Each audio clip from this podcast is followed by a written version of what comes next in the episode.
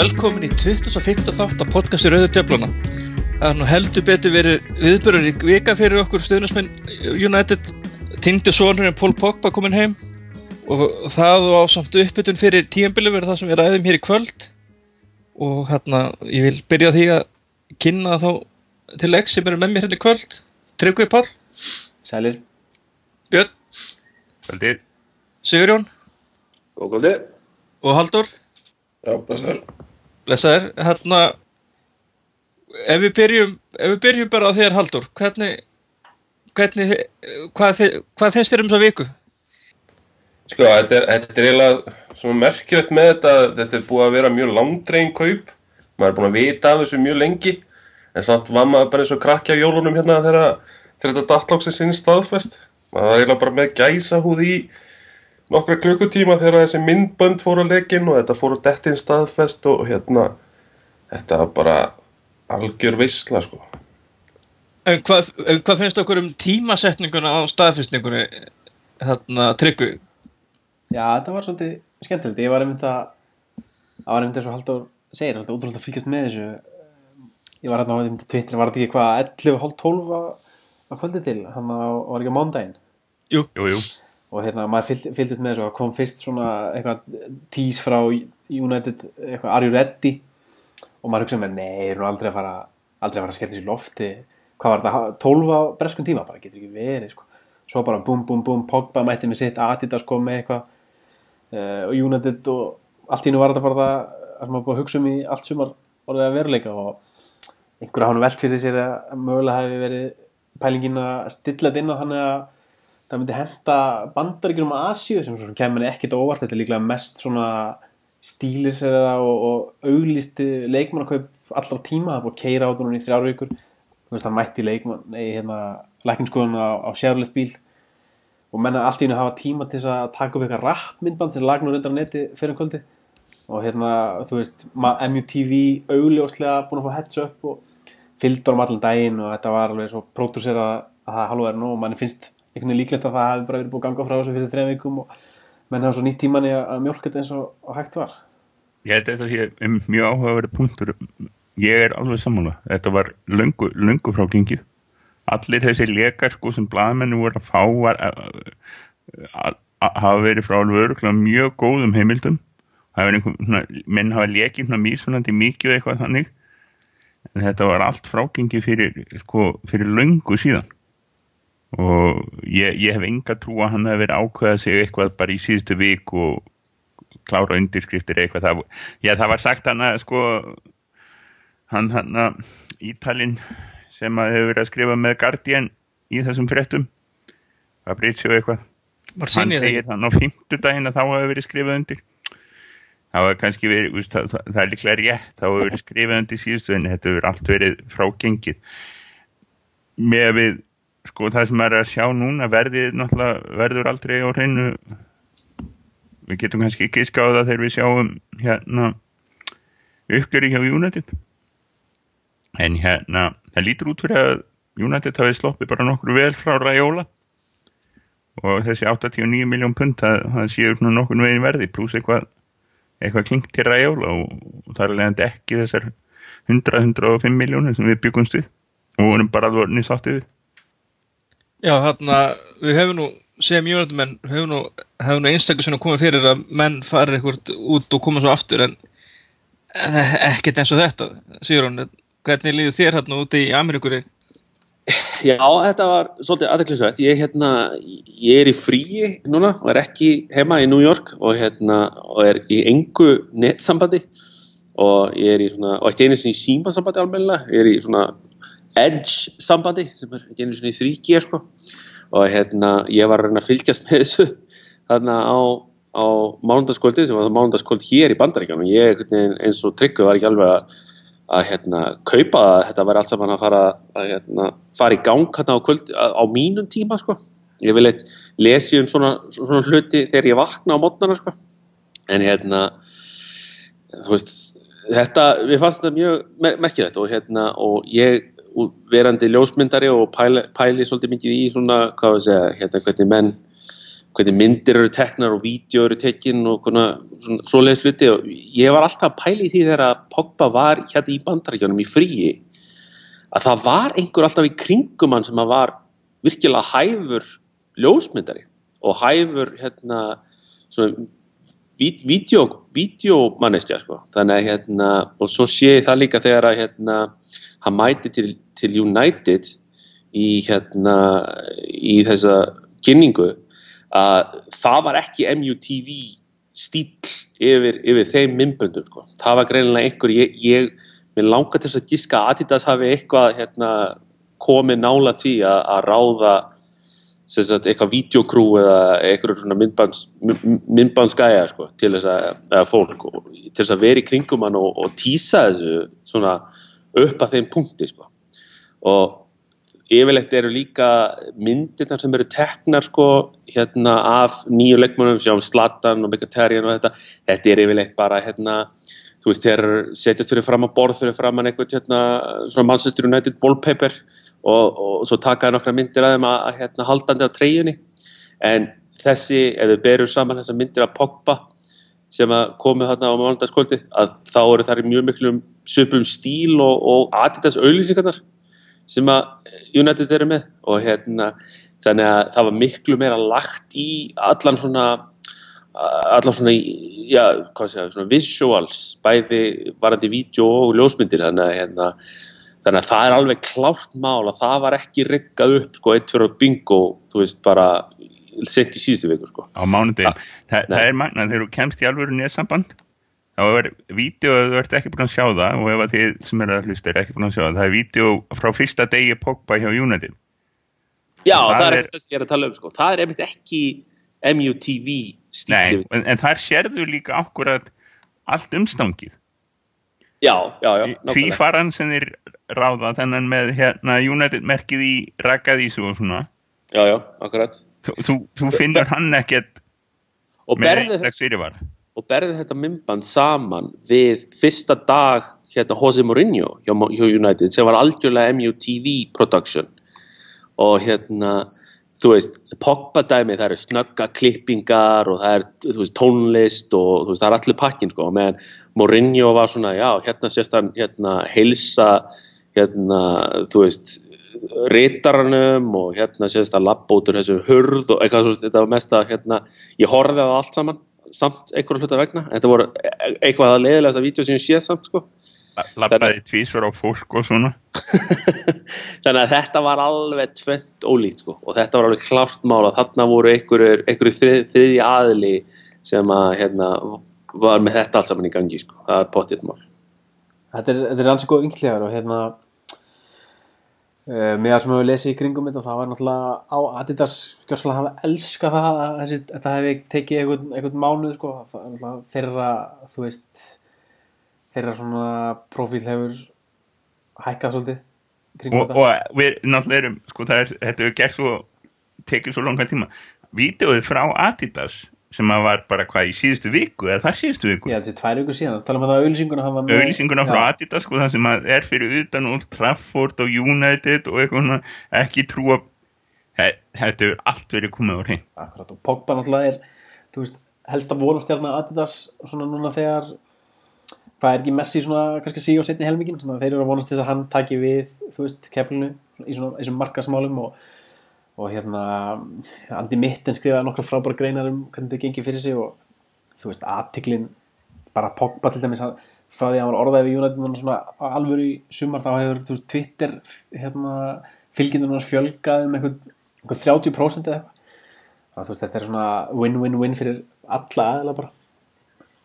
Þetta er þetta fyndi, við erum, búin í sko, mörg ára að hugsa getum við ekki látið Adidas kaupa Messi til United eða, eða, og þar á undan sko, getum við ekki látið Nike kaupa Ronaldo til United? Og svo gerir núna að Adidas hjálpar hefur áhrif allavega í það að fá Pogba til United. Þannig að þú talaði einmitt um það Adidas sko nú Messi að það er að síka á segni hlutan húnum, hann er hættur hjá Argentínu. Þannig að hann verður ekki á næsta HM til dæmis sem er eftir 2 ár Við skulum nú sjá til með það, ég held að það sé nú ekki verði nú ekki tilfellið. Já, við sjáum til, við sjáum til. En það það er allan að já eins og staðan en, en það er að sýnir svona það er, það er, það er vesen fyrir Adidas. Já það og- er klárlega högg í þeirra síðu já, algjörlega. já. og hérna svo er sko, eins og einhver sagði það eru kongarnir tveir Messi og Ronaldo. Það er engin eins og þeir í dag. Sko, þeir við, við, við erum búin að gleyma því hvernig þetta var sko fyrir þeirra tíma. Þeir eru búin að vera svoleiði sko byrja höfð og herðar og, og, og hérna mitti og, og, allt yfir alla aðra leikmenn í öllu sem markasetningu öllu þessu. En það er bara kortir í það að það verði búið. Og hvað er þá næst? Og já, Adidas er búin að veðja.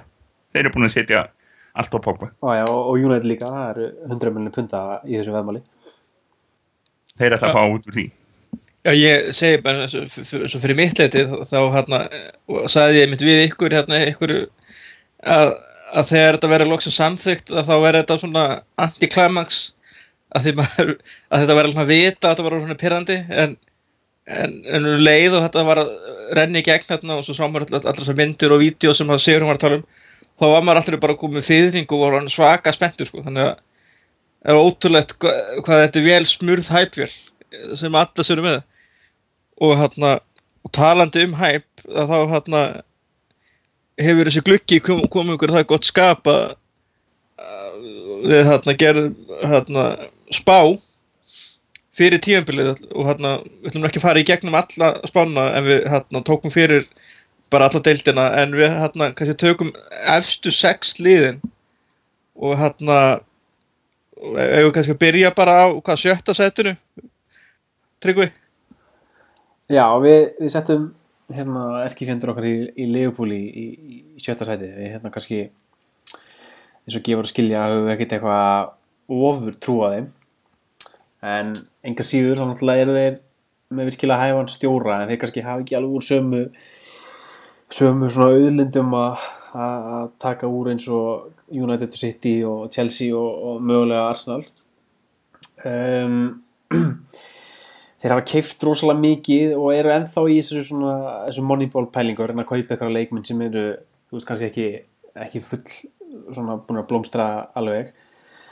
Eins og það hafa verið að gera og kannski þetta er líka kannski bara eina viti hjá þeim þeir náttúrulega, eins og segi, þeir hafa ekki alltaf þessa peninga. Uh, þú veist þeir náttúrulega er ekki nefnir Európa-kefni það mun hjálpa þeim gríðalega já, þá vika á milli leikja. Þeir hérna sáum bara hvernig það virkaði fyrir þá hérna 2013-14 þeir voru mjög nált í að taka titilin klúruði því blessunlega en enga síður þá einhvern veginn finnst manni að bara United City, Chelsea mögulega Arsenal, jafnvel Tottenham eru bara orðin það sterk fjárhagslega, minnst okkur þessi fjögur eftir liða manni bara einhvern veginn. Og hafa alveg gert það góð kaup í, í, í sumar stjóralega sig og leikmælega sig að manni finnst bara eins og Leoplay bara séu bara einhvern veginn kominir klassa neðar en, en, en þessi lið. Og þess vegna held ég að þeir muni verða svona undir af þessum kannski sex liðum sem að telur að gætu mögulega tekið teki ég er svo að teka fram að það verður líklega, líklega stutt á milli fyrstu, eftir sex sætana, ég held að það verður tæp deild í ára Leopold getur vel gert góða hluti en þetta er svona kannski okkar heildar, heildar hérna, pæling er, Ég, ég nefnilega var einn af þeim sem spáði því að Leopold myndi gera góður hluti. Ég spáði þeim svolítið herra, persónulega. Ég spáði þeim uh, í þriðjasæti og hérna ég nefnilega held að það séu hlutir hérna að tikka svolítið og hjá þeim. Og Kloppi núna sagði það sjálfur um daginn að hann, núna eru engar afsakanir vegna þess að hann er komin, þetta er orðið hans lið, núna eru ekki leikmenn þetta lengur sem að hann er að losa sig ennþá við leikmenn eins og Benteke og svona hérna, en þetta eru þarna leikmenn sem að hann vill að, að séu þarna. Og mér fannst þetta svona vera að smyrjast svolítið hjá þeim hann að setja partin á síðasta tempili og síðustu, síðasta mánuðin eða svo, kannski 6-8 vikur kannski. Og hérna og ég held, ég skítrætti við þá ég var bara að segja og er. Og hérna mér finnst svona uh, vera eitthvað svona þú veist, það er stemning í United núna og það var öllum mönnunum sem er að koma inn og svona, en ég finnst veginn að vera svona meiri stemning eh, svona eitthvað, eitthvað svona klopp, klopp stemning fara í gangi á lögubúl, ég, ég, ég veit, kann ekki alveg fætta, að benda beint hvað það er en ég, ég kæmi mér ekki óvart eða þeir myndu svona hérna standa sig bara nokkuð vel í veitur Það er svolítið eitt sko að hérna, þetta menn miða svolítið átt við 2013-14 tímabili að Leopold stóð sér fárlega vel og spilaði bara mjög fínan bolta og náttúrulega var ekki nýttið Európa deild þannig að eins og sagði þá var hann þessi vika á milli sem þeir hafa þessu undirbúa. En það er náttúrulega það tímabil þá var United í lagð, Chelsea var í lagð Arsenal var í lagð og City svona semi lagð Já og svo hitti þarna uh, Suárez á tímabil þú veist, ferilsinn sko. Akkurat, þannig að ef Leopold ætlar að gera eitthvað þú veist þá þurfa þær að treysta það að öll þessi lið taki lélegt tímabil og bara miða við þá stjóra sem er komin inn hérna, Conte, Mourinho og uh, Guardiola þú veist þá bara einhvern veginn finnst mann eins og Leopold eigi bara ekki breyk í þessi þrjá. Það er bara einfallega þú veist þeir eru bara, þeir eru náttúrulega ekki að miklu peninga á þessi stórlið þannig að manni finnst þess að þeir sé bara þú veist það sé bara orðið þeir eru ekki nógu sterkir fyrir hinn liðin sko. en ég, mena, En- ég, ég er alveg samanlega, ég held að þið getur vel gert góða hluti en bara þessi þrjú lið eða, veist, eitt að þau eru aldrei að fara að taka titilina því að eitt af þessum þrjú liðum, þremur liðum er ekki að fara ekki að fara eiga á slæmt sísón sko. En sko eins og Er dæmis- saman, fyrir, ekki, já ok, sér hún, fyrir ekki. Nei, haldu Já, ég ætla það- að segja mitt, það er nákvæmlega þessi punktur, sko, ég spáði þeim í fjórða fyrir neðan Jún og Hú og, og ég held, sko, ég er eins og þú, Sigurjón, ég er svolítið hrættu við þá, en að það sér hérna, sko, kaupin, það er þessi þýsku kaup, sko, sem ma maður getur einlega að hugsa, sko, að klopp veit einlega alveg hvað hann er að gera þar. Já, hann, hann er með gott hérna rekord yfir leikmannakaup, það er ekki spurning. Og hann, og hann, hérna, ger, hann gerir nákvæmlega þetta mjög vel. Uh, en, en, en sko svo það sem það náttúrulega gerist er, er það að, að sko annarkvæmt þarf Sadio Mane að koma sterkur inn eða Daniel Sturridge að vera meðslalus sem er ekki að fara að gerast. Já, ég meina þetta er náttúrulega, já, já ég meina, ég er samt sko, þú veist, ef eitthvað svona smellur hjá þeim, þá, þá hérna, þá getur þetta orðið alveg allt öðru sér hjá þeim, sko, mér til dæmis finnst ólíklegra, persónlega að Chelsea fari á eitthvað flug í vetur, þú veist, þeir fengu konti inn mjög seint. Konti hefur ekki verið hérna, kannski fengið þess mikið tíma með liðinu að implementa sína hugmyndir og svo framvegis, þannig að ég hef kannski endilega trú á því að hérna að þeir fari eitthvað rosalega stert að stað. En svo, eh, þú veist, maður náttúrulega veit ekki neitt. Ég spáði lestur fallið fyrir sko. já, allir. En eitt með Leopold sko að þú veist, þeir náttúrulega eru þetta enda náttúrulega með því að þú veist, leikmennin svo Ragnar Klavan eru líklega að fara að spila ykkur líkil hlutur því, þú veist, þetta er eins og- er er þeir fengur Kóla Túri sem áttu að vera að varaskefa en enda Já, en að það var Rodgers sem kefti það. Það er nefnilega stóri Já, munurinn. Klopp er að kaupa klavan en ekki En brenda þetta, Rodgers. þetta eru samt, er samt rosalega rotsislega kaup, ég meina þeir eru borgarni yfir 30 miljonir punta til eitt tíðanbili í röð. Og, og hann hann að vína aldum hann að kemur frá Newcastle sem fellur veist, þetta er ekkit, þetta er ekkit yfirbyrðað menn í deildin, þetta eru svona góði menn í lélugum liðum.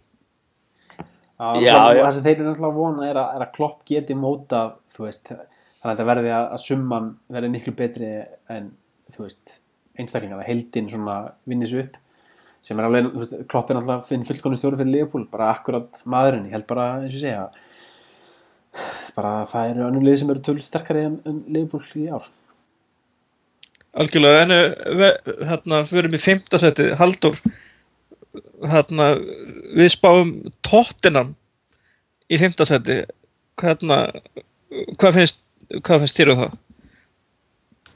Sko, það er náttúrulega uh, ég held að ég, ég setti það í fimmtasetti sjálfur. Ég held ég að nú aðalega gert það bara því að það er þessi viðbútt hjá þeim að vera í uh, sérst, Evrópukeppni.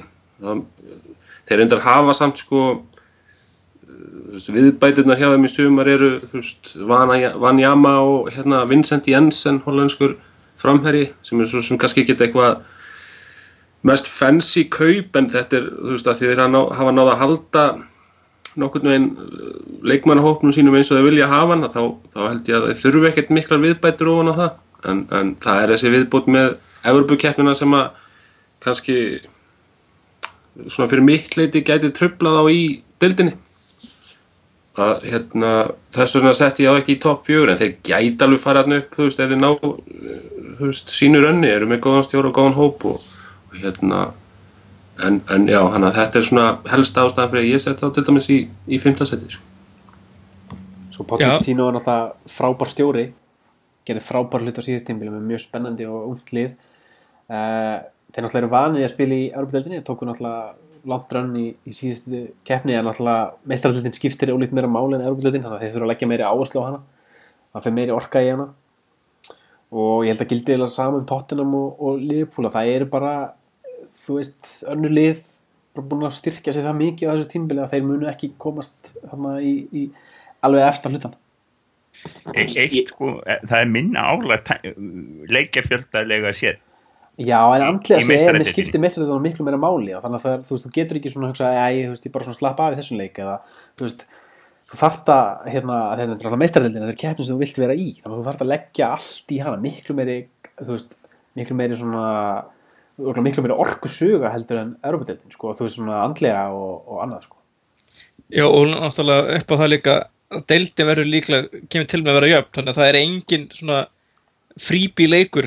Nei, og það tóttinam líka hefur náttúrulega enga hefð fyrir að spila í meistaradeildinni, þannig að þeir munu líklega leggja allt í sölunar þar, svona reyna að sanna sig á, á Európu vettvangi, að- þurfa að- spila Vembley líka þannig að það er nú má auka Mm. vesinn það sem að mér finnst aðteklisur þessi tóttir núna og ég spáði hérna svona í kringum þetta 5. 7. 7. seti að hérna sko þeir hafa ekki kift eins og Haldur hérna benti á þeir hafa ekki kift neina svona uh, super, superleikmann sko sem að er alltaf ákveðin svona innspýting inn í lið þegar, þegar klúpar kaupa veist, stóra leikmenn og nú er Pochettino líka að komast á svona ákveðin hérna stað með liðið þar sem að hann er ekki lengur þú veist nýju og feski stjórin sko. og hópurinn er mjög svipaður og var í fyrra og árið þar áður. Og hérna þannig að ég held að það þurfi svolítið kannski svona svolítið meira átaka að mótivera menn kannski svolítið að tóttinam í ár heldur en, heldur en hefur verið. Þú veist, ma- jú, þeir kannski þekkja hvort annan betur eða hérna, þú veist betur og betur hvert árið sko, en ég veit ekki. Ég, ég, ég, þú veist ég held að þeir verði þarna með, í top 6 og, og verði í baróttu og svona framvegis en það kæmi mér hins vegar ekkert allt of mikið óvart ef þau myndu hrinja niður í kannski kringum 8-10 sko. er alveg hreinskilin Þetta er mjög, Við þurfum að ræða það utan podcast en ég er til í að taka smá veðmál við þig um það.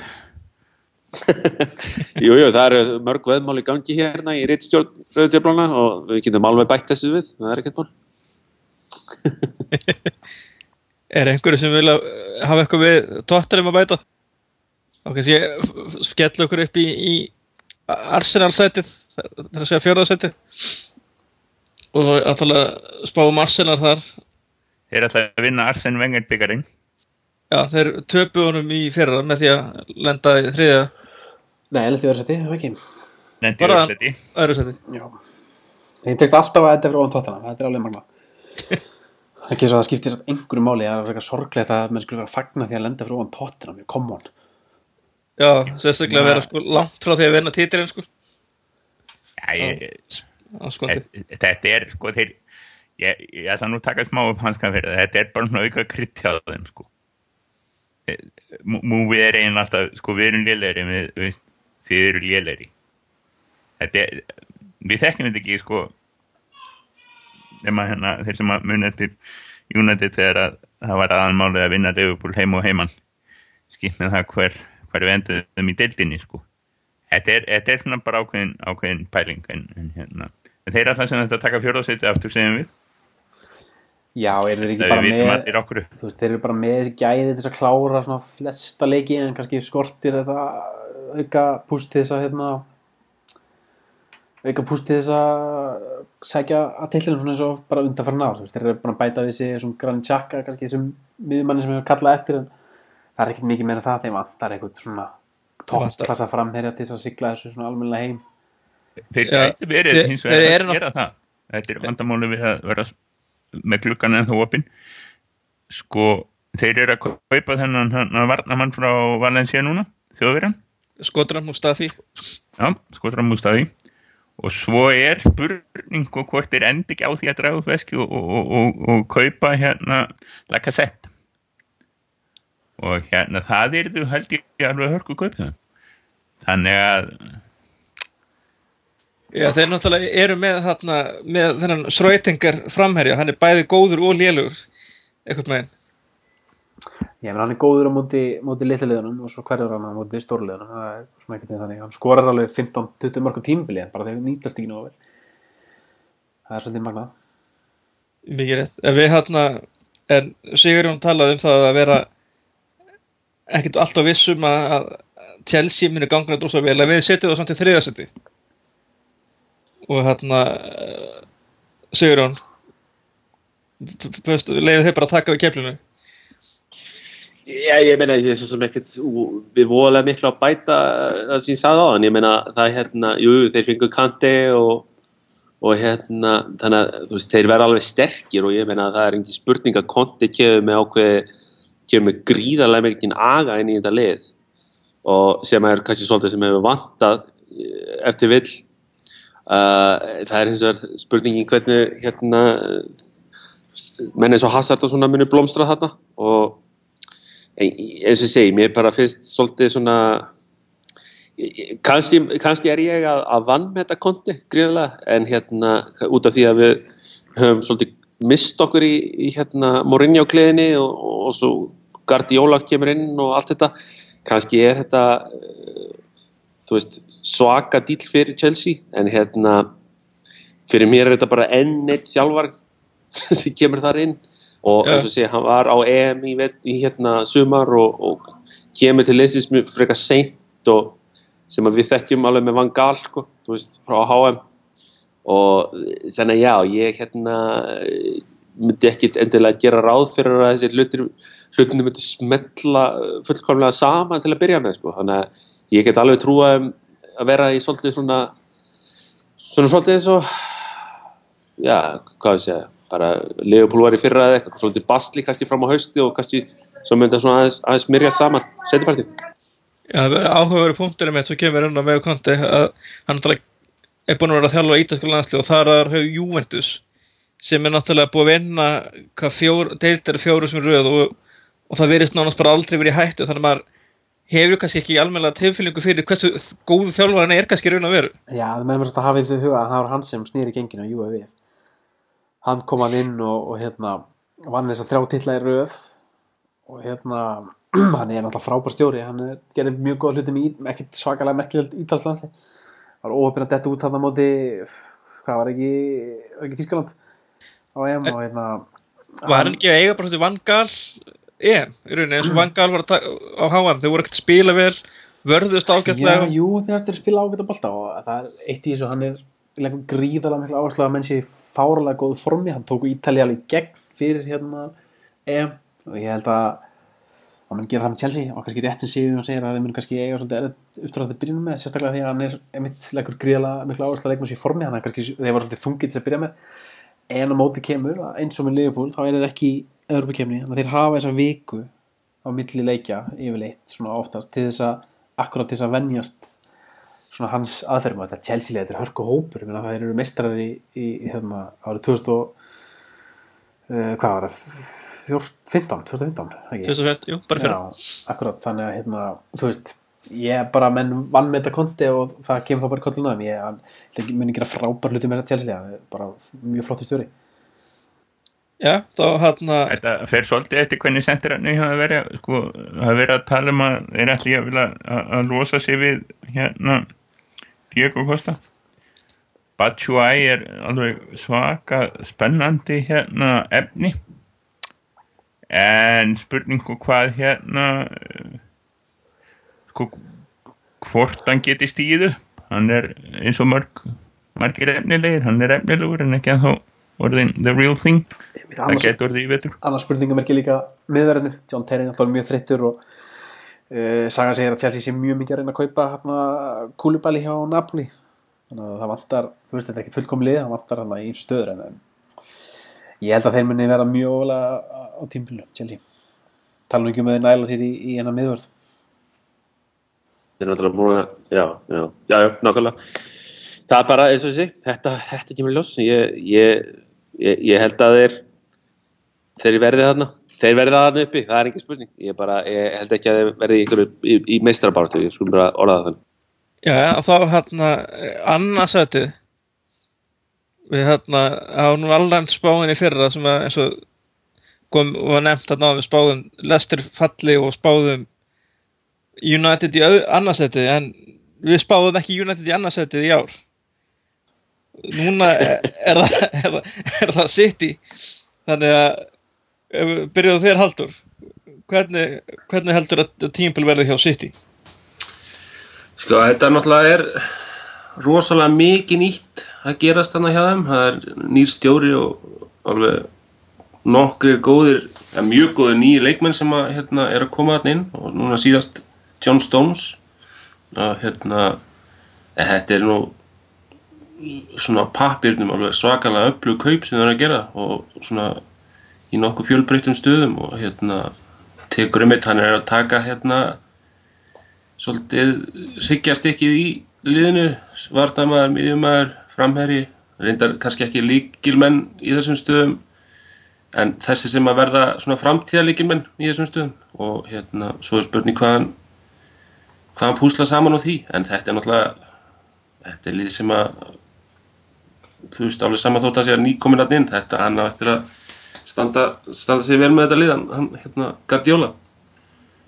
Og það verður bara áhugavert að sjá svona hvort hann fari út í einhverja brjála svona Barcelona bæ, bæjamun hér tekið taka bolta í ennska, ennska boltanum sko, hvort, hvernig það áttur að ganga. En, en hérna, það er vantalega það sem hann reynir einhverju liti að gera þessi kaup svona íta svolítið undir það svona eins og, þessi, eins og með John Stone sem að kosturinn á honum hefur nú alltaf verið að, hvað hann er einmitt öflugur á boltanum og svona spílandi miðurur þannig að þetta kemur eiginlega ekkert á óvart en, en hérna, ég er enda sett í Chelsea annarsæti sko, ég held að, ég held að það sé svona kannski nær því fyrir maður aðeins aftur í Chelsea nær því að vera það sem Conte vill hafa heldur, heldur en að City er svona lengra frá því sem uh, hérna, Pep vill hafa heldur en, heldur en Chelsea en, en það kemur í ljós bara. Svo er náttúrulega er spurningamerki, spurningamerki með Aguero að hérna, ég held að sko eftir hversu hversu mikið hann er heill Aguero að það geti ráðið úrslitu um það hvort City tekur byggarinn eða ekki. Ef, að- Guero er heilt, heilt tímabil og skorar 35 mark þá verða þeir mistarar en hérna, neða þetta var svolítið skemmtileg pæling með það hvað er konun nátt að leiði ég fór að hugsa um það uh, skildi hérna en þess að Pep hefur náttúrulega bara tvísvar tekið við liði. Hann tekur upp Barcelona og er með það sko og, og, og tekur allt upp úr hérna unglingastarfinu eiginlega sem hann tekur af leikmönnum meira eða minna. Kaupi meira að segja eitthvað fyrirvændi Barcelona-leikmönnum inn ef ég maður rétt var ekki Dani Alves einn á þeim þeir spiluðu þannig með 11 úr úningastarfinu einu leiknum? Þeir voru allavega tveir ef ekki þrýr keftir inn aftur sko. Eh, og svo fer hann til Bayern og hann er ekki að kaupa neitt mikið það núna kaupir hann þetta er reynda mjög skemmt þetta eru dálítið spennandi kaup hjá hann engin svona rísa rísa nema Stones náttúrulega en dálítið svona shrút kaup öllu kaup á, á, á þessu háum, eða lágu háverði ef við um að segja, svona í læri kantinum af dýrustu leikmunum og en, en, en þetta er þá í fyrsta skipti sem hann er að gera þetta kaup inn fimm leikmenn sem eiga kannski þrýr eða fjórir að lappin í liði hann spýður náttúrulega núna lang erfiðasta verkefni sitt á, á ferlum þessa. Ég meina, jú, jú, hann breytti svolítið á Barcelona en ég meina, þetta Barcelona-lið sem hann tók við var náttúrulega alveg frábært. Og þetta bæja munnhjörlið sem hann tók við var líka alveg að hann, en- hann tekur við en, og en, gerir svo aldrei neitt betur en að fara í undanúst nei, og City sko er, þú veist, jú, þetta er, þetta er flott lið á, hérna á margan hátt en þetta er ekkit þetta er hvorki bæja Barcelona en bæja munnhjörn og þú veist, hópurinn þetta, þannig að farin að verða svolítið gamall í leikil stöðum þannig að hann þarf að yngju upp og þetta er allt, allt mjög svona Guardiola leikmenn, litlir og leiknir og John Stone svona, þú veist, erkitýpan af Guardiola varnamanni og það er mjög fróðult að sjá hvernig hérna, þeir bregðast við hérna, skipulæginu hans sem hann vil fá. Ég held að takja svona tíma. Guardiola er samt að bara magnaði stjóri hann er alltaf að fara veist, að rífa þetta sittilið upp úr svona þú veist, mann finnst þið kannski ekki endilega að hafa fengið allt fyrir peningin sinn. Þegar hann alltaf eitt gríðalegum peningi frá því að þetta verkefni er að byrja. Mann finnst kannski eins og sitt í hefði mögulega átt að vera besta liðið undanfæri kannski fjögur, fimm ára þeir hafa ekki alveg staðundu því en verkefni á Guardiola er bara rífa sitt í upp, gera það besta, lágbesta og mestrildina og það er bara mjög fróðult að sjá hvernig hann fóta sig í ennsku dildinni, þetta er náttúrulega allt annað dæmi en tíska og spænska dildin og já, það verður bara mjög bara ótrúlega spennandi að fá hann og líka í Manchester borga sem erki hérna, óunnars Mourinho var mættið til United, þetta, þetta verður bara algjör veisla sko. Ég er nefnilega held að sko hérna sitt í sko það er svolítið fyndið sko, ég er alveg ég, ég er svona svolítið spenntur fyrir því að ég mitt að sjá hvernig Guardiola höndlar ennsku dildina, en það er svolítið spes tilfinning að hérna að vera spenntur fyrir einhverju sem að mannstu sitt í er ekki en hérna sko það sem að mér þykir eiginlega kannski forvinnilegast að sjá í vetur er sko hvernig hann höndlar þessa sko sitt í hefur alltaf verið með þessa leikmenn sem svona, sem svona brotna niður á, á augustundu svolítið. Uh, þú veist menn eins og Jaya Toure og, og Nasri og Störling núna síðast tímanveli þú veist menn sem að kannski menn ætlast til þess að hérna að svona framkvæmi eitthvað og, og, en þegar það kemur að stóru leikjanum eða, eða stóru stundunum að þá ekkert neginn hafa það undanfæri kannski svo svolítið svona svona kona niður. Og það er bara ekki að fara að gera sér Guardiola, Guardiola er bara allt of geðveikur einstaklingur til þess að láta svolítið sluti gera þannig ég held að allir komi ég held að allir hópurinn komi inn í, í tímabilið bara alveg óðir sko, blúsandi óðir. Þannig að það er eiginlega það sem við svona hvernig, hvort þið ná að spila nákvæmlega þann bolta sem Guardiola vil frá, frá hérna, frá fyrstu mínútu. Ég, það er kannski tekur mig lengri tíma. En ég held að, að ákjefðin verði til staðar og, og hérna, þar að leiðandi uh, var ég einn af mjög fáum í þessari rittstjórn sem að spáði uh, Manchester City, Sigri, ég veitur ég feg bara án rekord með það hér, hér með. Það er ekkert vittlust þetta, þetta verður sko þetta verður æðist til dengt það er allir að tala um þetta, það eru sex sko, það var aldrei fyrr verið ja, margir toppstjórar í einni deild hjá toppliðum. Og ætla að sko það, það, það er þá sem vantar í, í, í sko í þetta panþeón hérna framkvæmstjóri í heiminum, það er kannski helst sko, það er Simeoni það er Ancelotti. Já, það er eiginlega þeir tvirr aðalega Já, og, og, og það, þetta verður sko, það er fókus er að næst í meira á stjórun en leikmennina og hérna sem þetta Guardiola komið til City sem eins og þú segir ég er sammálaður, það verður æðislega spennandi. Reynda gaman að sjá að Manchester búar eru ekki sammálað, það er miðar í opinu söl og leikin á lögadaginn hjá City. Nú er eitthvað vandar að skella ykkur sko, þá getið ákveðið núna. Þannig að hérna spennust í er ekki það hátt hjá City mönnum en, en, hérna, en það er ekki nýtt heldur. Nei, þeir verður aldrei fylla hann af öll sko. nokk tíma En mér er svona áhvert Nei, jú, þeir fylla hann á mót okkur, hvað er þetta? Er það ekki leitt, það er United menn sem að Jú, nákvæmlega. En hérna, en talandi svo kannski til að reyka naklan í þetta hérna, sitt í, þess að sitt í umræðu þá náttúrulega fáður þetta inn náttúrulega, þetta eru ungi leikmenn sem koma hérna inn. Fyrir utan kannski hérna Gundogan hérna frá Dortmund. Og þá er þetta vola svona þessu svona ósannaði leikmenn þetta er kannski meira svona finnst manni þetta meira til að frísku upp á liðið heldur en að vera eitthvað svona instant impact? Þannig að ég er ekkert svo vissum að ég geti vel trúið að færa hægt á stað sko. Ég hérna mér finnst þetta ólíklegt eitthvað með að hann, þú veist, hann komið hérna alveg bara þú veist hann er ekki vanur að spila í svona competitive deildan. Hann hérna Guardiola þannig að já, þú stjórnar liði í, í svona competitive deild þannig að ég, ég held að það geti alveg sett strikið reikningi fyrir hann.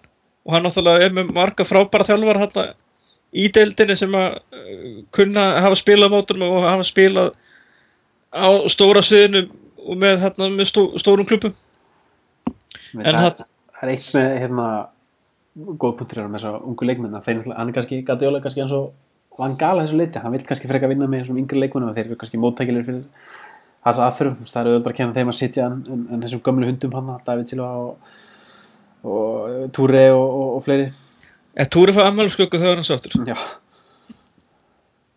Mér finnst bara veginn svona öll áran veginn, ekki það að ég trúa árur en hérna einhvern veginn svona kringum komu hans til City og, og svona allt, allt það dæmi Mér það kannski vera svolítið öðru í sig heldur en náttúrulega mjög mikið öðru í sig frá því þegar hann tók við Barcelona og mér finnst það samt líka vera svolítið öðru í sig heldur en þegar hann tekur við bæjum minn hér og hérna, þú veist, það hérna þannig að, já, já, eins og segi, þetta er náttúrulega bara þú veist, algjörða spekulantsjónir sko, ég meina, þetta er, þetta er algjörlega óskrifa blað sitt í lið og verður svona mest við getum svolítið hérna séð fyrir þú veist, fyrir okkur hvað hérna Conte mun gera með Chelsea og hvað Mourinho mun gera með Manchester United og svo framvegis og framvegis en þetta sittilega verðist bara að vera algjörlega sko eins og segja, óskrifa blað. Getur þess vegna lent bara einhvers staðar á milli fyrsta sætið og, og 20. sætið.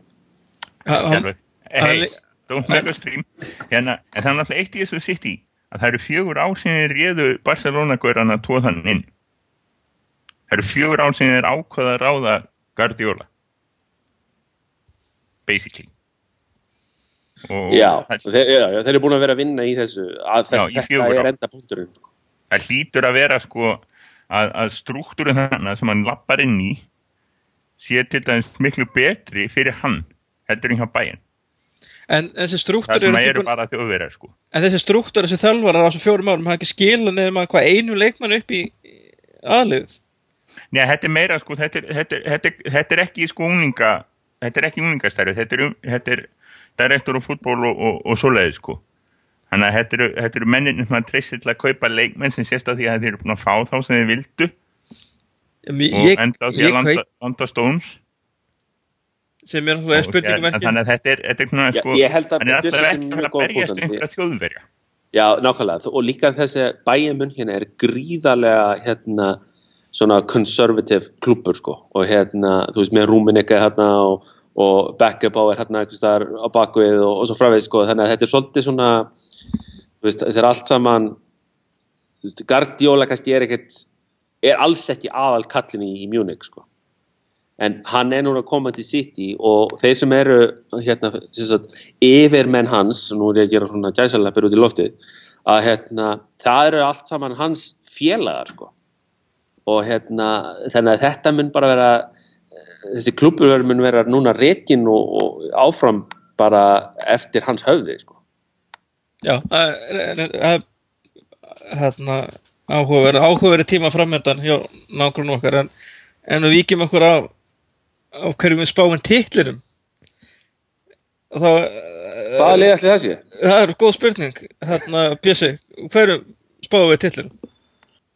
Ég eins og allir nema Sigurjón og, og einn ónöndur sem getur ekki varið sig að því hann er ekki hér í með okkur í kvöld.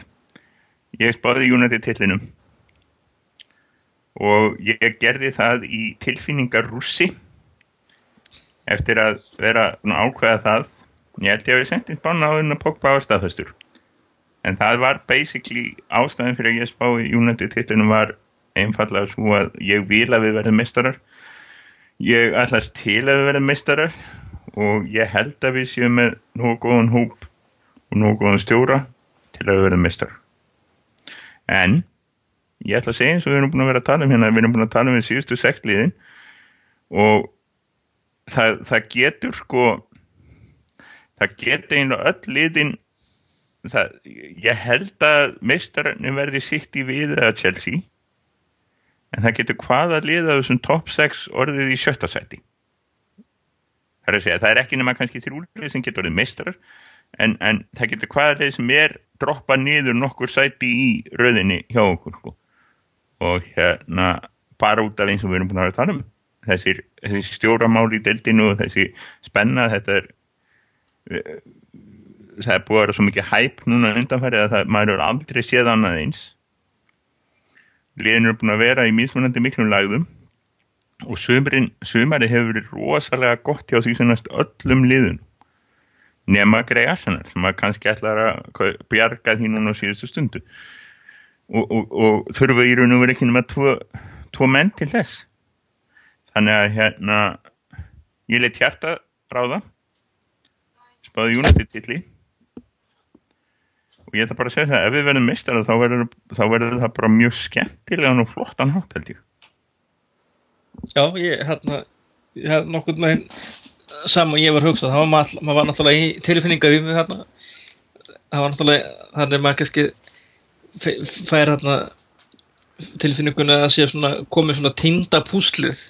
Það sem hefur vantað í þetta lið bara fyrir mörg ár.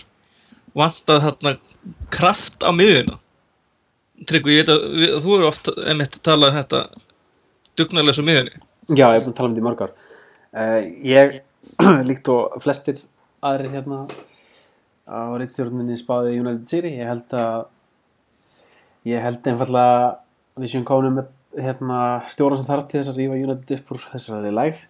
Við erum búin að lang besta leikmannagluggan á öllum liðinum í, deildinni, við erum búin að bæta við nákvæmlega það sem þarf að bæta við og sko ekki bara einhver svona efnilegum eða eða mögulega góða leikmannum, þetta er bara virkilega virkilega gæða leikmannum í flesta stöður. Ríkjaskólan er bara mætt og þetta verður bara frábært tímbil held ég framöndan og kannski fyrst við vorum einnum svolítið púri að tala um hérna kaupin hjá City, þá er rosalega fróðlegt að bera saman þau kaup og kaupin í United. Það Mourinho er að kaupa þarna krafta og hraða og það er alveg ljóst hvernig hann ætlar að taka City, hann ætlar að taka þetta á, á kraftinum og frekar hann þessu léttleikandi dæmi hjá City, hann ætlar bara að valda yfir á. Bara með pjúra power.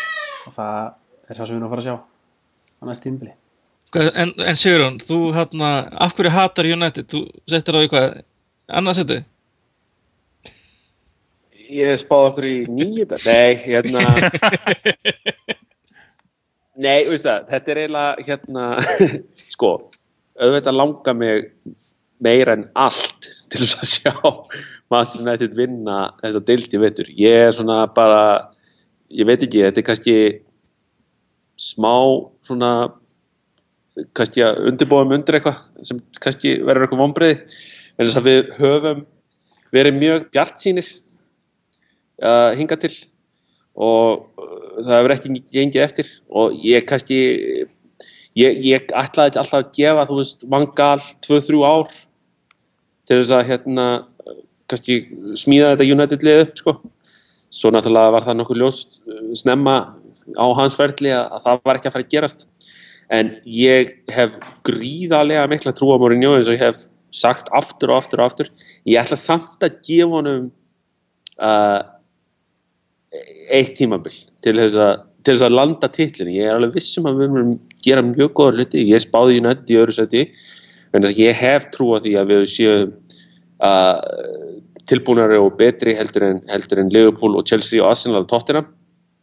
Ég er bara hérna hef einnig mjög mikla trú á Guardiola og þó svo að Guardiola kannski hafi ekki verið með jafn góðan glugga og, og við og það er alveg rétt sem Tryggvi segir við erum með langt besta gluggan að hérna ég held samt að það sé hann geti svo sem alveg gert ákveðin kraftaði sko. En ég ætla bara rétt að vona að, þetta, að hérna, ég muni hafa rámt fyrir mér í, í þetta skipti og og eins og alltaf, ég reyndir ofta rátt fyrir mér, en hérna ég ætla rétt að vona að ég hafi rátt fyrir mér og United takkir það til og, og við munum þið, þið allir hafi getið benda mig á hleið Já, flesta grunn að bara það verði á milli mannsistirlega við smættum þetta bara nýri það þá fannst ekki finnst mér uh, Mourinho muni svona hafa betur öndan og eins og hann náttúrulega þekki deildina alveg út og inn og lærdomskurðan hans er miklu miklu minni en hjá uh, Guardiola sem þarf svona aðeins kannski að læra á ennsku deildina. Hún er öðri sig en tíska deildin og, og spænska deildin. Er, hún er svona þú veist, erfiðari. Þetta er meira töff deild. Og hérna og uh, svo líka er náttúrulega manni finnst þess að Mourinho hafi eitthvað svona sanna eftir þetta tímbil hjá Chelsea sem hann gekk náttúrulega bara hörmulega á síðast tímbili manni finnst svona eins og hann sé svona herrun ég þarf svona núna nú þarf ég að virkilega að ná tillinum og manni finnst þess að hann sé alveg rosalegu kvati hjá hann til þess að ná tillin talnúgjum líka aðeins að stríða erki óvinnum nummer eitt, Guardiola. Mann finnst eins og sé eitthvað virkilega að keira svona, keira hann áfram í, í þessari hérna baráttu Sko, En svo er hann líka kominn- Fyrirgeðu Haldur, þú, já, Já, það sem ég, það sem ég ætla að segja með, hérna, þegar ég var að spá í þetta, sko, að það sem að einhvern veginn fór með mig alveg yfir endalínuna að spá United titlinu var bara það að þessi viðbútt við, sko, ekki bara Mourinho, heldur líka, sko, að fá slatanarnin sem að náttúrulega, eða er einhver maður sem er bara svona, hvað segir maður, skilgreiningin á sigurvegra, þá var það slatan og að fá Pogba sér hann inn og þetta eru svona menn sem bara kunna það að vinna og hérna fyrir utan það nú að Slatan hefur líka alveg kannski, hvað segir maður, svona auka kvartningu að ef að aðal baráttan verður sko við Guardiola að þá er Slatan sko ekkert að fara að gefa tommu eftir þar í, í því í þeirri baráttu sko. Þannig að hérna það svona var bara einhvern veginn þannig að þegar maður fór að hugsa um það hvern, hvern maður ætti að setja hann í aftasæti þá bara setti maður brjóstkassan út eins og Slatan og bara já já, Slatan tekur þetta sko. Já, ég held, minnst það góðu punktir að mér hérna er að, þú veist, maður ekki gleyma að vera með þjálfur stór kaup og, svona, og fá svona góða leikmenn eins og við erum að fá inn það hefur bara svo óbúsleg jákvæð áhrif á hópi en liftir alltaf öllum hópnum. Svo við þurfum ekki svona að hóra lengra heldur en fyrsta ár rauða djöflana þegar að Van Persie er kiptur inn til hérna í framlunum þá leið liftir hann veist, þetta er bara stór kaup og góða leikmenn, þeir bara lifta veist, það er ein- einn af þú veist, þegar við erum að fjalla um sko value for money og allt þetta bull, að þá er það óbúslega stór partur af þessu. Já, já, Van Persie náttúrulega kom inn, hann var náttúrulega á, á eldi þarna fyrsta árið sitt, sko. Þannig að það er líka annað, sko, ef að, ef að Slatan er að detta nú inn og ætlar að skora, þú veist, segjum bara 30 mörg, þá er það náttúrulega bara, bara ótrúlegt, sko. Og, eða, þú veist, bara ómetalegt og mun eflaust hérna landa titlinum. En, sko, en það, já, já, ég hérna, hann, hann kemur líka með svo margt meira heldur en bara Já. markaskorun Að það er ekki annað en bara, þú veist, ef þú ert með kjúklinga í liðinu, ef þú ert með Rashford eða Martial eða Lingard eða einhver jafnvel Pogba, af því hann er nú ekki gamall að bara líta á mannin hann fremst. Ef að það er, skilur, ef, ef þeir eru með baki upp að veg 23 ára, En nokkur maður hjá United síðan Giggs var 23 ára. Já, já, en ég segja Þannig bara ef þeir- líta þarna fram og sjá Slatan og þá bara, þá, veist, þeir treysta honum bara og þeir bara, já, við erum með, sko, Slatan þekkir þetta og þú veist, að það er bara það, þeir þá þurfu ekki, hann þarf ekki endilega að vera með 30 mörg til þess að hafa áhrif á, á allir kringum sig, sko. alls ekki. Og það er sama, og sama hjá Pogba sko, kunni ekki annað en að vinna þeir líða ekki annað en að vinna. Og Nei, hér, sko, hérna, eitt til dæmis sko á æfingum þá er, þá er kannski sko þeir sem eru eftir sko á stóru strókunum það eru Rúni og, og, og Karrik sem eru með hvað flesta titla. Og þeir eru kannski þreyttir á að draga þennan sko ég kann að vinna titlavagn og komað hann að sko tveir inn í viðbót sem kunna þetta. Og þá um leið sko er auðveldara fyrir Karek og Rúni að segja við kunnum þetta líka svona á að æfa til að svona á að leggja sér fram svona á að mæta á auka æfingar svona á að gera þetta. Þannig að þetta er, þetta er gríðarlega mikilvæg kaup hvað það varð og, og hérna ég að ganni minni ég skrifaði nú um mitt pistil hann í vorum það sem hérna sami innkauparlistin í fimm árum það hvað við höfum alltaf verið að reyna að kaupa í nokkra stöður og ekkert hefði gengið. Og, og þessi fjóri sem við erum að kaupa eru basically að breyttu breytand og, og dændir fyrirfram er að negla þær fjórar af þessum fimm stöðum basically alveg beint. Eins, eins sko, það er eins mikla neglur og maður getur vonast til á pappirnum þannig að sko klukkin er ótrúlega solid. Það eina sem ég hef áhugir af í vettur er það að hann ætlar að vera með 23 útilegnum og hérna og það eina sem ég ætla að Hann hann- hann sagði 26 Já, Hann er- 20, nei, 23 útileikmenn. Já, það er ekki 23 útileikmenn og, og og þrjá segir 23 útileikmenn. Ok, Þannig að það er með 23 útileikmenn og þrjá markmenn. En nú samt í því, það er alveg tvö byrjunlið og, Já, en, en, en sko hérna en, en hérna við höfum verið að spila með hérna ef við lendum í öðrum meðslasísunni þegar við erum með 11 manns mitta þá er þetta bara eitt byrjunalið og engi varamenn. Eða því sem einn varamann tveir varamenn fyrir ekki. Þannig að ég hef áhugjör af því. Þannig að en á móti kemur að, að hérna þá verður öll þessi rökum að nota ekki ungana. Þau, þau munum fallum sjálf á sig þannig að hann myndi neðast til þess eins og fann ekki allir neytist til þess í vettur Já, en líka, en, en ég, ég er alveg sammálað sko, með, með, með þetta, en samanskapið, þú getur ekki verið með 30 manna hóp, bara eða skildi 10 manns meðast. Nei, reyndar ekki sko, Þa, það er þá spurning sko Já, já, ég, ég hérna En, Já, já, með, veit það. En, en kannski 30, 25 sko. En þessi nýju menn er nú ekki með, ekki með Ísla pjésar, ekki, allan ekki þekkti fyrir það hinga til, þannig að Nei, við skulum vona að það ver- það verður hann er 7, 9, 13 Þetta er og- vantanlega núna, núna er byrjað að aðeins að reynsa til og, og senda menn út. Þannig að ég ávona því að næstu hvað er það, þrjár vikur? En náttúrulega- ja, Mourinho er nú ekki þekktu fyrir líka að þurfa að hafa le- lent í svona með sína, Nei, alls ekki, með sína hópa, heldur. einhver hluta vegna þá er hann, hann er ekki verið í meðslavandröðum Þannig að eitthvað, er- eitthvað gera hann rétt. það er mjög gaman Það verður skemmtileg tilbreyting. En það, það er hins vegar mikið stór faktor og var stór faktor þegar ég var að pæla í þessu er, er þessi endalaus meðsla vesen sem hefur verið í gangi hjá okkur undanfærið og það er hérna sko ég, ég ætla rétt að vona að sá tími sé búin en ég ætla ekkert eitthvað hérna, að garantera það sko. það er það er nefnilega málið er að, að hópurinn er gríðarlega sterkur en ef það er að fara að detta þú veist, einhverjir þrýr, þrýr leikmenn, þrýr fjórir hérna, mikilvægi leikmenn í meðsliða, þá erum við aftur komin í bölva vesen, sko. Já, öllið myndir náttúrulega lendi í, í vesinni, undir þeim kringustöðum. Já, jú, jú, en sko, hérna, þú veist, ég myndi samt segja að hryggjasúlan í, hérna, United-liðinu er svolítið, hérna, hvað segja, breyðari heldur en hryggjasúlan kannski í, þú veist, þess að til dæmis Manchester City. Ég held að það sé svona meiri dreifð í, í, í þeim hóp, dreifing, meiri dreifing í þeim hóp, sko. Svona á styrkleika, sko.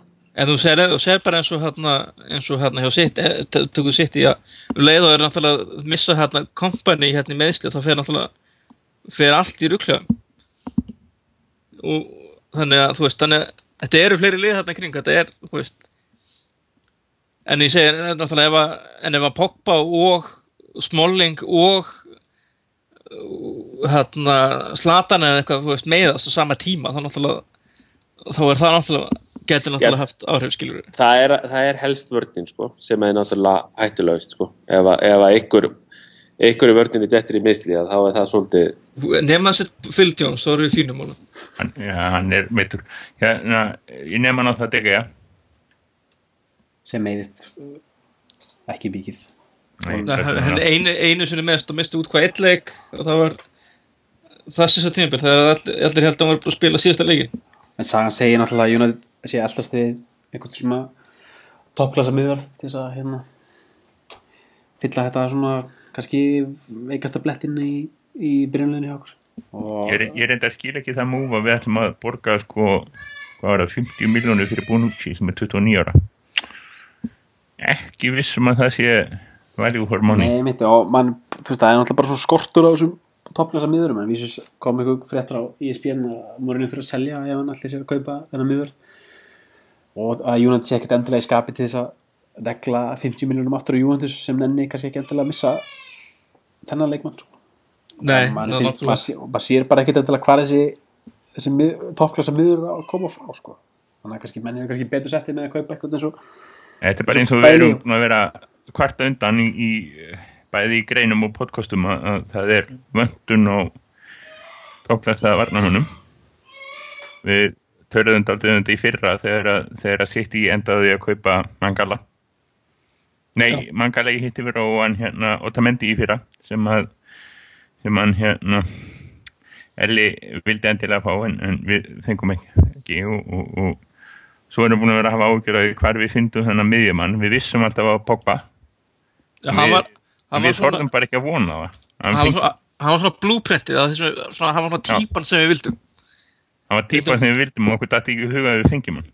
Nei, en það hefur hins vegar, núna, núna er að leka sko basically að hann hafi uh, það, það er, uh, var grein bara á, á United official heimasíðinni, bara blogg frá einum starfmanni að mann segir sko strax sumarið eftir sem þetta Pogba fer 2013 sem sagt, þegar hann er búin að vera slá í gegn strax á Ítalju á sínu fyrsta sísóni og meistari að strax þá sko var, var þessi sem skrifar, hann var í rútu með leikmönnum á leiðin, hann í Stokkólmi á leiðin af einhverjum æfingarleik og þá bara heyrðu, Pogba vil koma aftur. Þá var það strax orðið aktúelt og svo eru greina núna í vikunni strax komnar að Woodward hafi basically verið búin að vera að spjalla við Juventus síðan þá. Að, þetta Pogba til United hafi basically því að verið haldið volku síðustu þrjú árin.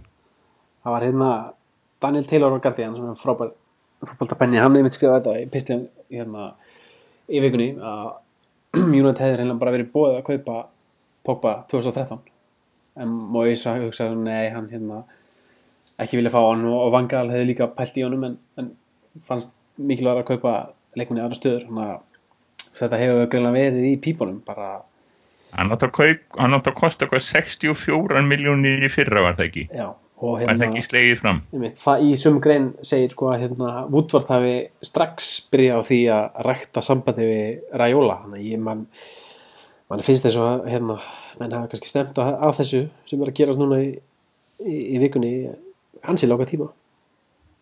Heyrðu, þá ætlum ég bara að segja henni ofinbila úti sorry. Þeir eru fyrirgefið. Mér þykja að leita ef ég tala illum það þú ert bara tekin í sátt. Þakka ekki hellaði fyrir þetta og flott hör. Minn maður. Já já við getum alveg sósaðanum við hefum náttúrulega verið svolítið leiðileg við hann og hérna Nei, menn menn með, með að fá hrós til að gera góða hluti, og hann er búin að standa sig vel í sumar. Fyrsta tímbilið hans var náttúrulega bara eitthvað algjört fíasko tímbilið nummer tvö var ölliti skára Eh, við getum hrósanum fyrir hvernig hann höndlaði DGA málið síðastu sumar. Svona spilaði svolítið á Real Madrid þó kannski hann fengið spá óvægt að hjálpa þetta í restina. En Svo hérna, og hann skilaði þeim mönnum sem sem fann hvað vildi fá. Já, að minna. Og, og hérna í sumar hefur hann bara, hreinlega- bara þetta bara gæti ekki verið betra sumar. Ég held, að bara ekkit félag í heiminum það sé ekkit hægt að eiga betri glugga en, En, en, en, að hann útvart, það var, hann fekk mikið skíti við sig fyrir að hann var að klúða Renato Sanchez, en var það ekki bara heikið var það ekki bara því að við vorum ekki viss hvort um að fá, hvort við ætlum bara að fara all in í Pogba? Nei, það var, það var, það var líka það að, að sko það var ekki búið að ákveða að reka Fangal og Fangal vildi hann ekki. Uh, ég ætla að sakna Vangal segir enginn. Er ekki spurning sko, hefðum við fengið Pogba ef við hefðum keft Sanchez ég veit ekki, Nú, Sanchez kostaði eitthvað 30 millinir ég hugsa ég er þeir eru það, ég held að það sé líklega að þá hefðum við ekki keft Mkhitaryan nei, nei, það er svo sem hægt að velta þessu fram og tilbaka en það er Við að höfum pottið ekki kert Mkhitaryan ef við hefum gert Sanchez. Það er alveg Já, tæri. ég, held, ég held að það sé miklu frekar þannig sko. Og ég er gríðarlega sáttu við Mkhitaryan en það er uh, ég, þetta er topp leikmaður besta aldri. Hann á eftir að bara standa sig gríðarlega vel held ég. Ég hef fulla trú á hún þetta er leikmaður, hann vildi koma hann vill, hann vill sína sig, vill spila hérna hjá United og, og hérna gríðarlega leikin og skemmtilegur. Ég held að hann, hann, hann minn þurfa tvo-þrjá leiki til að stemma sér inn í ennsku deildina já, ég meina það ég segja, þegar þessi gluggi hann við erum að fá besta leikmann á Ítali, við erum að fá besta leikmann í Fraklandi, við erum að fá besta leikmann í, í Þískalandi og einhvern efnilegsta varnamann á Spáni. Þetta er bara, gæti ekki verið betra bara gæti bókstælega ekki verið betra. Og nýjan díl við EA Sports líka auðlýsingarsamning til þess að svona til að hérna auka á þá hérna flóru. Það er ekkert, ekkert verða sko. Það er þetta briljant dýl þetta er náttúrulega, þetta er náttúrulega bara nýja nýja big budget dæ- dæmi þetta, er tekið við af sjónvarpi og bíómyndum öllu sem svona aðal afþreyingar veitan í dag er hérna, eins og tölvu er þessi tölvuleikir og þannig þetta er, ég held að sé þrælklókt. Ég held líka að Pogba dýllin allur og allir þessi markasetningi, ég held að þetta hafi bara gert að verkum að útvarta núna enn auðvöldara með því að rakin stórum auglýsingasamningum að því að, að bara þessi fyrirtæki sem að komandi greina sem sko stóri sponsorar hjá United þeir slefa bara yfir þessu þessari aðtegli sem að hérna, sem að fyrirtækin er að fá bara út frá þessum kaupum sko Við erum ekki að pogba andlita honum er að fara að færa núðlupökkum í Asíu og bensindælum í Saudi Arabi og ég veit ekki hvað, hvað sko. Það verða dráttavélar eitthvað staðar í Indlandi með, með Pogba grill og ég veit ekki hvað hvað maður. og næsta ári verður hann að fara með á FIFA mögulega En þetta verður að spennandi.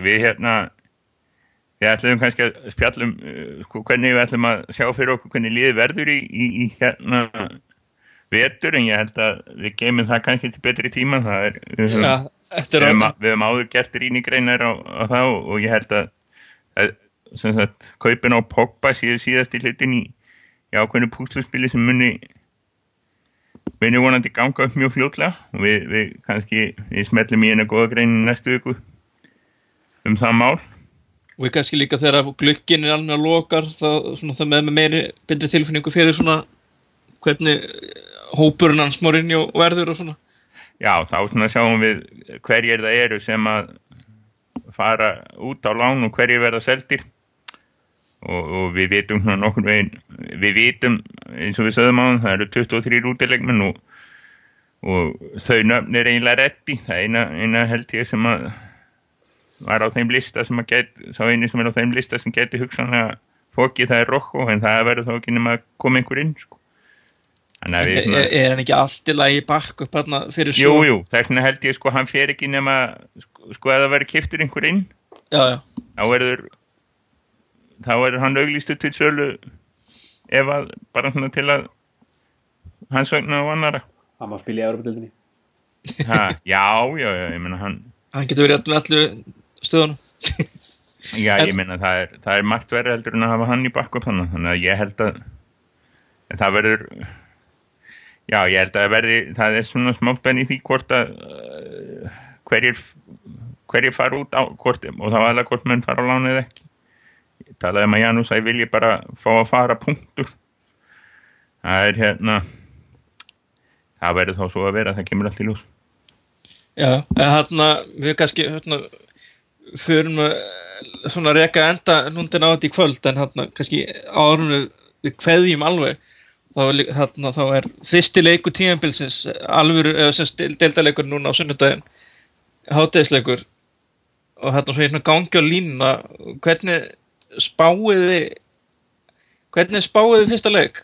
Við byrjum bara að hefja sig Fyrsti leikur fer það er Bormað þetta við vinnum hann 3-1 og þú, og þú ert, á, ert á skýslu er ég er á uppbytun og skýslu þannig að það verður bara mjög gaman held ég. Það er eitthvað, eitthvað til að hlaka til, hlaka til þarna Já, sigur já.